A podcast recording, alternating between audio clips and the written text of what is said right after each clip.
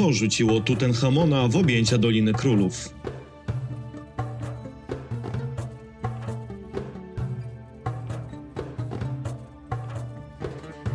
Im władza jest większa, tym jest bardziej pociągająca. Rządy absolutne to kulminacja władzy. Rządza jej posiadania jest tym silniejsza, im rozleglejszy obszar obejmuje. Jak łatwym celem może być młodziutki faraon, jedyny następca tronu swojego ojca? Czy historia jednego z najbardziej znanych egipskich władców może być dobrze zapowiadającym się scenariuszem rodem z hollywoodzkiego kryminału? Kod Champoliona Rosselliniego Największa starożytna cywilizacja, początkami sięgająca ponad 5000 lat wstecz. Historia do XIX wieku skryta na trudnych do odczytania kruchych papirusach.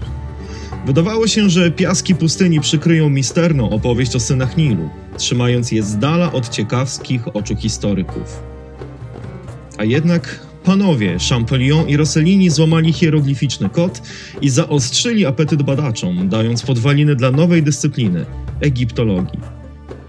Od tej pory posypała się lawina ekspedycji na południowo-wschodni brzeg Morza Śródziemnego i w dorzecze najdłuższej rzeki na świecie. Klątwa Tutenchamona.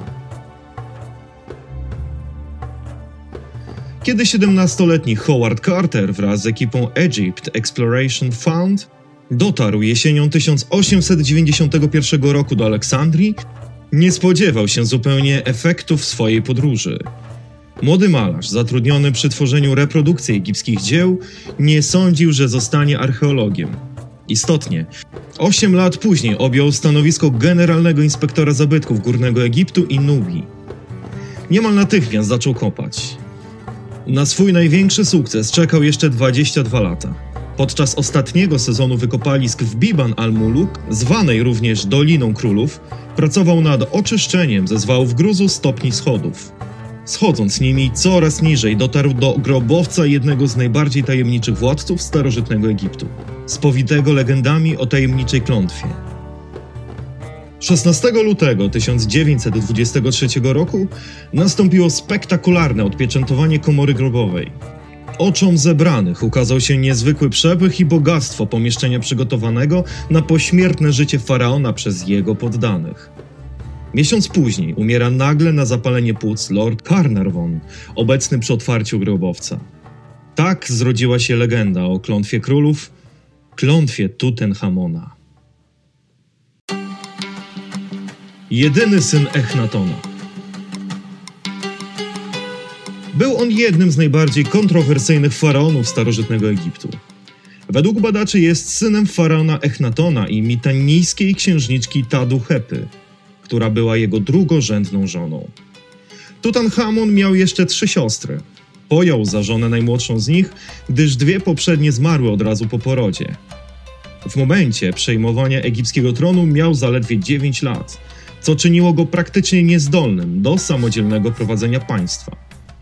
U jego boku stanęło wówczas dwóch regentów, Aj i Horemheb. Zapewne to im starożytni Egipcjanie w istocie zawdzięczają ponowną zmianę religii na politeistyczną. Stało się to w odpowiedzi do decyzji Echnatona o zmianie z kultu wielu bóstw na monoteizm. Sztuka źródłem medycznych niejasności.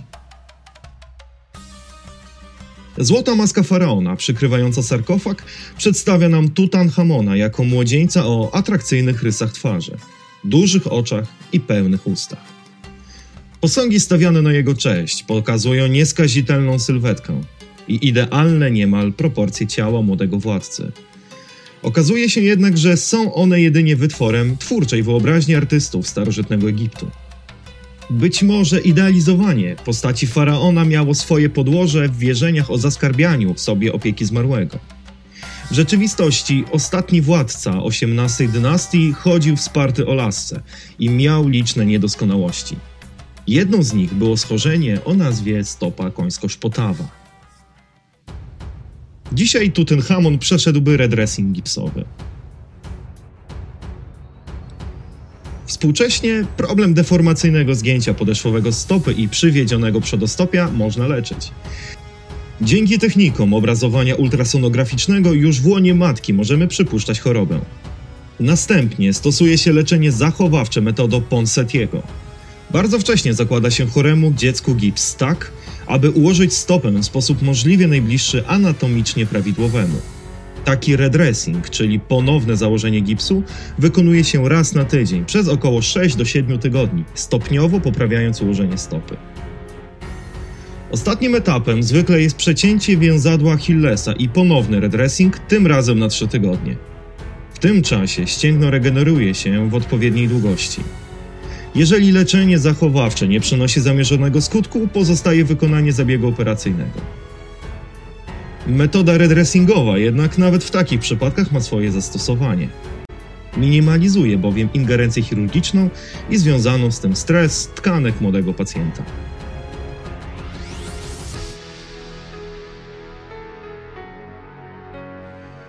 Freiberg i Kohler, lekarzami faraona.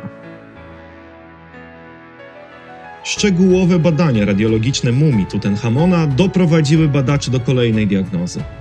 Osteochondrosis metatarsofalangealis juvenalis deformans, inaczej choroba Freiberga cholera 2. W tej rozbudowanej nazwie łacińskiej na pierwszy rzut oka zauważamy słowo deformans.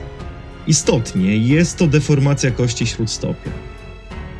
Zaliczana jest ona do grupy chorób, tzw. Tak jałowych martwicy kości, czyli nekrozy, fragmentów tkanki kostnej z przyczyn innych niż drobnoustroje. Powodem mogą być urazy mechaniczne, zatory lub zakrzepy prowadzące do niedokrwienia obszaru kości zaopatrywanego przez niedrożną tętnicę zwykle mniejszego kalibru. Niedożywiona tkanka obumiera, a jej pozostałości są resorbowane przez mechanizmy obronne organizmu. Osłabiona kość zaczyna proces odbudowy utraconej części. Jednak, gdy zachodzi on w szkielecie stopy, jako naszego faraona, jest narażony na duże obciążenia i powstają deformacje nowej struktury kostnej. Ta choroba zwykle dotyczy osób młodych, częściej mężczyzn, jak wynika z badań. Pierwotniaki w królewskiej krwi. To jednak nie koniec chorób młodego władcy. Podczas badań odkryto ślady genetyczne pierwotniaka Plasmodium falciparum. Oznacza to, że chorował na jedną z odmian malarii. Wystarczyło jedno ugryzienie komara widliszka, aby faraon zachorował na tę chorobę. Zarodziec sierpowaty powoduje najcięższą postać malarii. Według statystyk powoduje bardzo dużą śmiertelność. Zarodziec namnaża się we krwi chorego i powoduje regularne ataki choroby. W przypadku pasożyta, którego ślady znaleziono u faraona, objawy pojawiają się w granicach jednego-dwóch tygodni. Pierwsze objawy są niespecyficzne: wysoka gorączka, dreszcze, biegunki, nudności i wymioty.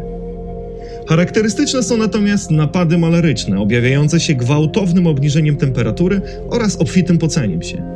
W przypadku Plasmodium falciparum ataki występują co 96 godzin, stąd inna nazwa choroby febra czterodniowa. Ataki te spowodowane są lizą erytrocytów i hepatocytów. Efektem rozpadu czerwonych krwinek jest niedokrwistość hemolityczna i żółtaczka. Pojawia się także hemoglobina w moczu, co określa się jako hemoglobinuria.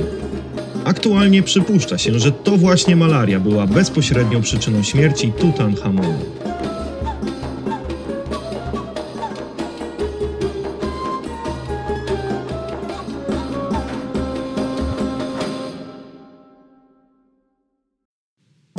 Wszystkiemu winna tradycja? Powstaje pytanie, dlaczego młody faraon skupił w sobie taką ilość chorób? Istnieją przesłanki, że miał również kobiecą budowę ciała i ginekomastię. Badania genetyczne wykazały, że jego rodzice byli rodzeństwem, cokolwiek by nie spekulowano na temat imienia matki. Wówczas częste było zawieranie kazirodczych małżeństw w obrębie rodziny królewskiej. Wygląda więc na to, że skumulowaniu uległy geny, co mogło spowodować wystąpienie niekorzystnego fenotypu dziecka, bo przecież ich syn zmarł w wieku zaledwie 19 lat. Szpotawość stopy, zdeformowana postura, również choroba kolera mogła zostać spowodowana defektem metabolicznym, dającym w konsekwencji zator tętnicy odżywczej kości.